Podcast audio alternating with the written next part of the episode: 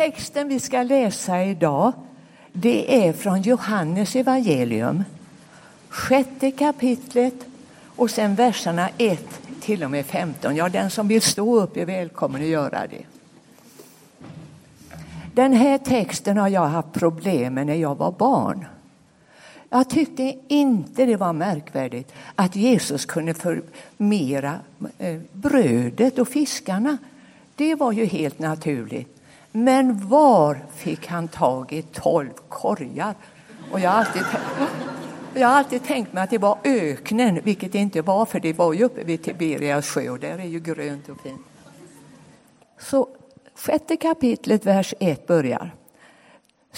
Sedan for Jesus över till andra sidan av Galileiska sjön, eller Tiberias sjön. Mycket folk följde efter därför att de såg de tecken han gjorde genom att bota sjuka. Och Jesus gick upp på berget och satte sig där med sina lärjungar. Det var strax före judarnas påskhögtid. När Jesus lyfte blicken och såg att så mycket folk var på väg till honom så sa han till Filippos var ska vi köpa bröd så att alla dessa får något att äta? Det sa han för han skulle pröva Filippos. Själv visste ju han vad han skulle göra. Och Filippos svarade, det räcker inte med bröd för 200 denarer om de ska få en bit var. Men en av lärjungarna, det var Simon Petrus bror eh, Andreas, han sa här är en pojke som har fem kornbröd och två fiskar. Men varför slår det till så många? Jesus sa, låt folket slå sig ner. Det var gott om gräs på den platsen. Och de slog sig ner och det var omkring 5 000 män.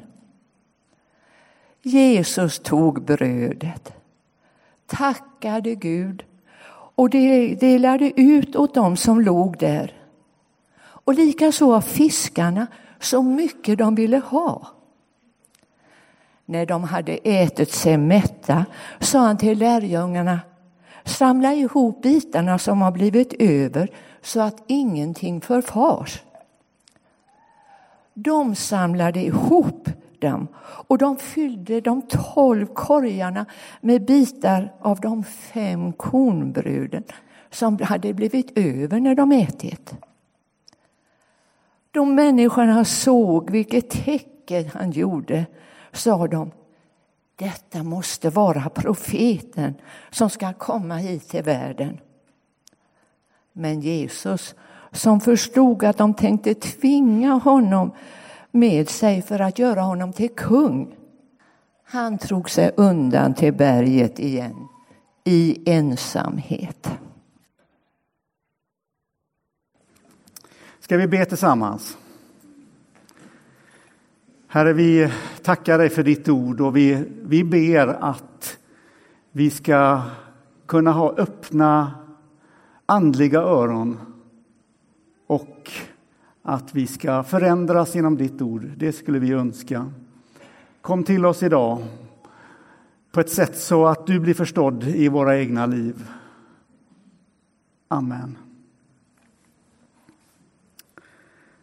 Har du någon gång blivit riktigt uppslukad av någonting på ett sånt där sätt så du riktigt tappar tid och rum? Har du någon gång blivit så där uppfylld av någonting så att allt annat liksom blir sekundärt. Jag har det. Jag glömde bort min egen mamma på ett café i Berlin. Ja, jag vet, det är oförlåtligt. Jag vet inte om hon är här och hör detta. Skäms jag extra lite i så fall. Hon satt där i flera timmar. Kan ni förstå? Jag var fullständigt uppslukad av ett historiskt museum. Tid och rum försvann fullständigt. Någonting triggades i mig när jag var där rejält. Och någonting liknande måste ha triggats igång i folket som vi läser om i dagens text. Vad är det de är med om den här dagen egentligen? Och framförallt, vad är det som gör att man inte går hem? Hela dagen är de ju där, förstår vi. Och lägger vi samman och läser de olika evangelierna så fattar vi ju det. Hela långa dagen. Borde de inte vara väldigt hungriga och trötta? Jesus gör ju snabbt den eh, liksom, eh, analysen från sitt håll. När han ser att de kommer, då ser han behovet. Vad är det som drar så mycket att det där med att äta blir sekundärt? Vi pratar här om rejält många människor. Alltså kanske 5 000 män plus kvinnor och en hel del barn. Och de är i rörelse mot Jesus. Han ser ju dem när de kommer. Dessa människor, de har tidigare under dagen, som vi hörde Stina läsa, sett Jesus göra under.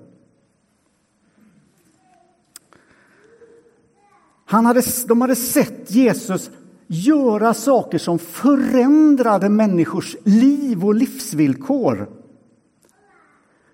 Och han hade förstås talat som bara han kan tala. Och det märker vi ju när, när vi märker respons i evangeliet på Jesus sätt att tala.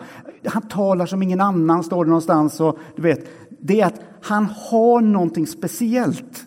Det han säger gör någonting speciellt med de som hör på, det, på honom. Det är liksom inte bara vackra, skönt tillrättalagda ord, om man säger så. Det händer någonting när man hör Jesus tala. Det händer någonting med en sätt att se på världen. Och det gör någonting med ens sätt sättet som man sen formerar och väljer att leva sitt liv. Alltså egentligen, det är väldigt svårt att inte förändras i hans närhet. Det är väldigt svårt att inte förändras när man kommer nära honom.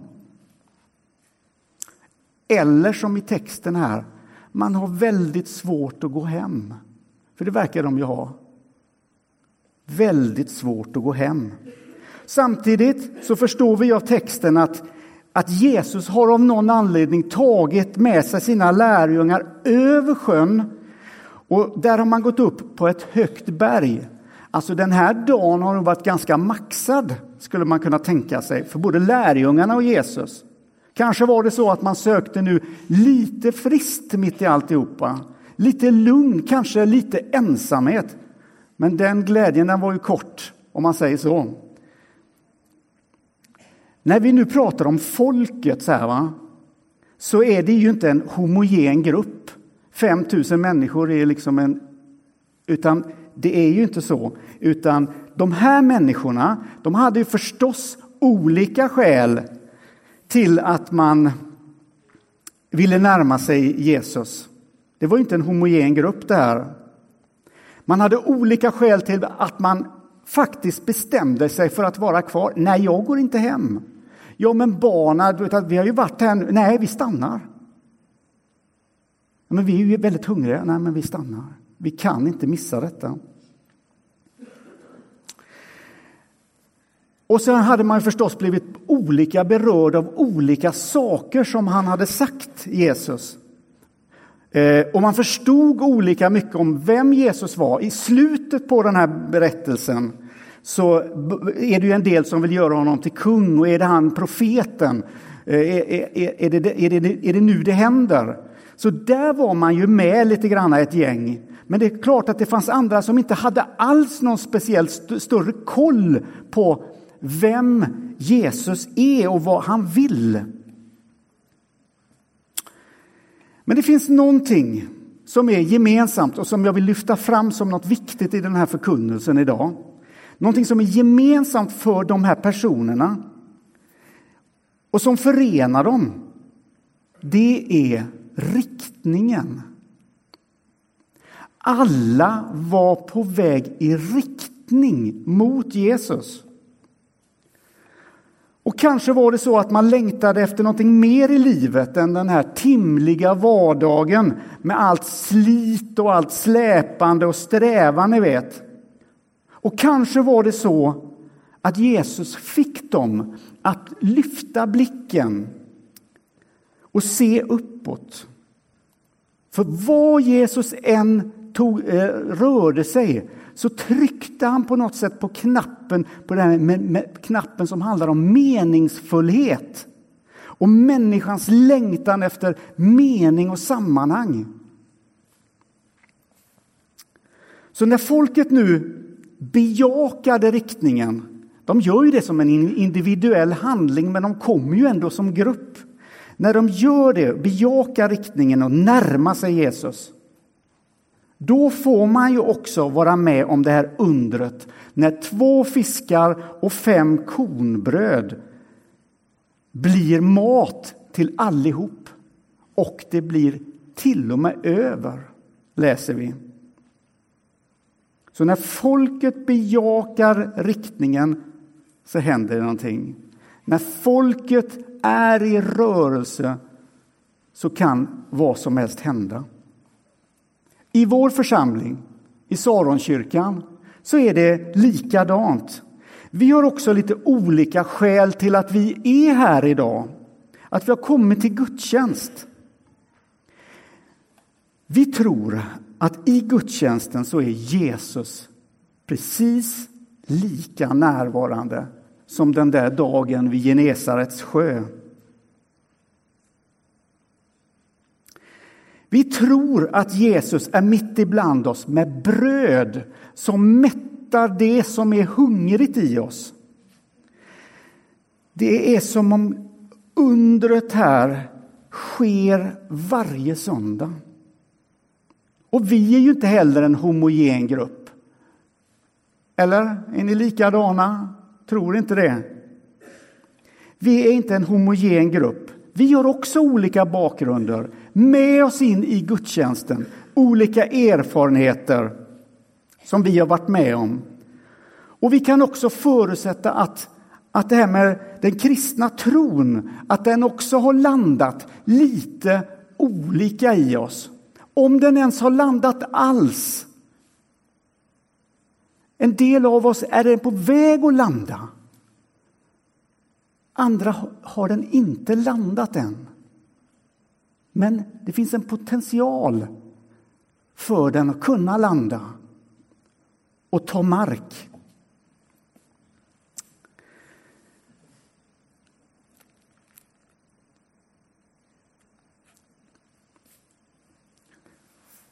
Och vi, precis som folket vid Genesarets sjö den här dagen, har olika frågor som vi sliter med och kämpar med, som återkommer i våra liv. Men det finns en sak som förenar också oss. Vad är jag ute efter? Riktningen. Riktningen är det som avgör. Och då blir frågan, vart är du på väg? Är du på väg mot Kristus? Eller är du på väg någon annanstans? Jag frågar inte först och främst hur långt har du kommit? Hur bra tycker du det går på din väg? Jag frågar efter din riktning. Vad är din riktning? Att du överhuvudtaget har tagit dig till kyrkan idag, det säger någonting. Det säger någonting om att du i viss mening ändå har klivit in i en riktning. Om än pytte, pytte, pyttelite. Finns det något i dig som längtar efter mer än det timliga i vardagen? Finns det någonting som längtar efter någonting mitt i ditt slit? Finns det någonting i dig som längtar efter den där meningsfullheten som jag pratar om? Den där meningsfullheten och längtan efter ett sammanhang. När alla vi ofärdiga, lyssna på detta, ofärdiga, tomhänta och i oss själva fattiga människor, när vi går gången fram här i gudstjänsten för att ta emot brödet och vinet, så går Jesus dig och mig till mötes. Och han säger, jag är livets bröd. Ta och ät. Är inte det ett bröd under i sig? Att det här mötet överhuvudtaget inträffar här och nu, söndag efter söndag. Så när Jesus lyfte blicken och såg att det var mycket folk som, hade, som var på väg mot honom så sa han till Filippos Vad ska vi köpa bröd så att alla dessa får någonting att äta? Detta sa han för att pröva Filippos. Själv visste han precis vad han skulle göra, läser vi i vers 5. Det här är dagen eh, då Filippos, om vi nu stannar vid honom, den här texten kan man predika om alla personer, det finns hur mycket som helst, men vi stannar vid Filippos. Han kom att lära sig den här dagen en superviktig andlig princip. Och den kan vi också lära oss idag. Det är alltså kanske sammantaget, jag vet inte, 7-8 tusen människor med in, inräknade alla barn och allt det här den här dagen. Och Filippos får frågan, hur ska vi fixa mat? Vad är det för en fråga? Är det ens rimligt? Så vad gör Filippos med den frågan? Jo, jo han börjar ju räkna matte. Han, och vi vet inte hur lång tid han räknar. Han kanske kollar ut över nejden där och försöker göra ett överslag. Och så kommer han på det, att det är omöjligt att med 200 denarer, det, det skulle bara räcka till en liten bit bröd per man. Men det som Filippos inte vet, och det är det som är själva lärdomen här, det är att det är skillnad på Guds matematik och Filippos matematik. För Guds matematik verkar förvånansvärt ofta i det till synes orimliga. Nästan i det, liksom de, nästan i det ologiska. Hör ni? Den väljer många gånger den vägen som och, och, och skapar någonting fantastiskt. Inte ur siffran 1, 2, 3, 4, 5, 6, 7, 8, 9, 10 och så vidare. Utan den skapar någonting ur siffran 0. Detta är någonting enastående och märkvärdigt. Guds matematik gör under med siffran noll. Man skulle kunna säga att vi här kommer in på ett område som det är nästan som en slags eh, mot alla odds matematik som vi, som vi kommer in i här och som Filippos får lära sig den här dagen. Och till dig, människa, medmänniska, som, som känner dig uträknad som känner dig som en nolla. Gud kan skapa någonting fantastiskt ur det obefintliga. Mina vänner, det finns någonting hoppfullt inbakat, för att prata brödspråk här, i dagens text som har att göra med med Jesu praktiska omsorg om människan. Han känner med våra mänskliga behov. Det är den här texten ett stort och klart och lysande bevis över. Han ställer sig inte vid sidan av kampen som vi har i våra dagliga liv och tänker att ja, det där får ni ju klara själva. Jag har ju faktiskt gett dig ett ganska ordentligt intellekt och en bra slutledningsförmåga så att jag tror nog att du får nog klara det själv. Nej, det gör han inte. Matfrågor är inte någonting futtigt för honom. Det är, inte, det är inte heller hur våra praktiska behov i livet ser ut.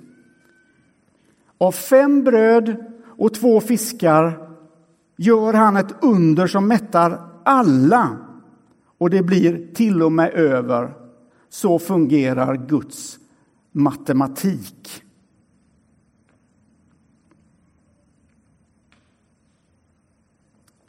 Så när livets bröd räcks oss i nattvarden den här söndagen, då räcks den in i den livssituation som du lever i. Brödet ger näring till din inre varelse eller människa så att du kan bli den som du är tänkt att vara. Och göra det som du är tänkt att göra och uttrycka i det liv som är ditt. Inte i någon annans liv, i ditt liv. I de omständigheterna du finns i. Bröd räcks till dig när det känns lätt att känna tacksamhet. När det är lätt till förundran och kanske tillit. Då blir brödet till en inre sång som bär dig, som ett sjungande i dig. Men brödet räcks också till dig när ditt liv bara känns som om du är vilsenhet på två ben. Lyssna då om du känner att du känner igen dig i det. Lyssna då på den föreslagna salmen 107. Och jag önskar så att den skulle ge dig lite kraft, eller kraft nog att kunna sträcka ut dina händer och ta emot Jesus Kristus i bröd och vin. Några gick vilse i öknar, läser vi, i öde öknar. De fann ingen väg till bebodda städer. De var hungriga och törstiga och deras krafter sinade. Då ropade de till Herren i sin nöd. Och han räddade dem ur sitt trångmål. Och sen läser vi lite längre ner i texten i den här salmen. Han ger den det törstande att dricka och mättar det hungriga med allt gott. Allt gott. Så det finns alltid ett hopp för den människa som med sitt ofullkomliga liv vill röra sig i riktning mot Kristus. Och han välkomnar dig precis som du är. För nattvardsbordet som är här, det är det ofärdigas räddningsplats. Där blir hans kärlek som allra tydligast. Och precis som för folket vid Genesarets sjö kunde man bara ta emot brödet men aldrig betala tillbaka. Och det här är en utmanande tanke för oss som har svårt att ta emot och som alltid, alltid, alltid vill göra rätt för oss. Men det här är Guds matematik, så det är lika bra att vi vänjer oss vid det här att ta emot. Det är Guds metod. Han låter alltid udda vara jämnt. Är inte det hoppfullt? Att han låter alltid udda vara jämnt. Så när människorna som upplevde brödundret och fått det fysiska brödet i sina kroppar så blev de ju mättade. va? Och de fick ju ny energi. Sockerfallet var på, sockernivåerna var på väg upp igen. Precis på samma sätt får vi ny energi till vår inre människa i vårt möte med Jesus Kristus. Så att vi också kan gå ut i världen den här veckan, på din arbetsplats, i din skola, i dina relationer, var det nu är du ska finnas den här veckan. Så får vi gå ut med budskapet att det finns hopp för den som känner sig uträknad. Att det finns mening för den som söker sammanhang. Och det finns en riktning som kan förändra precis allt. Och när man möter ett sådant budskap då vill man ju inte gå hem. Amen.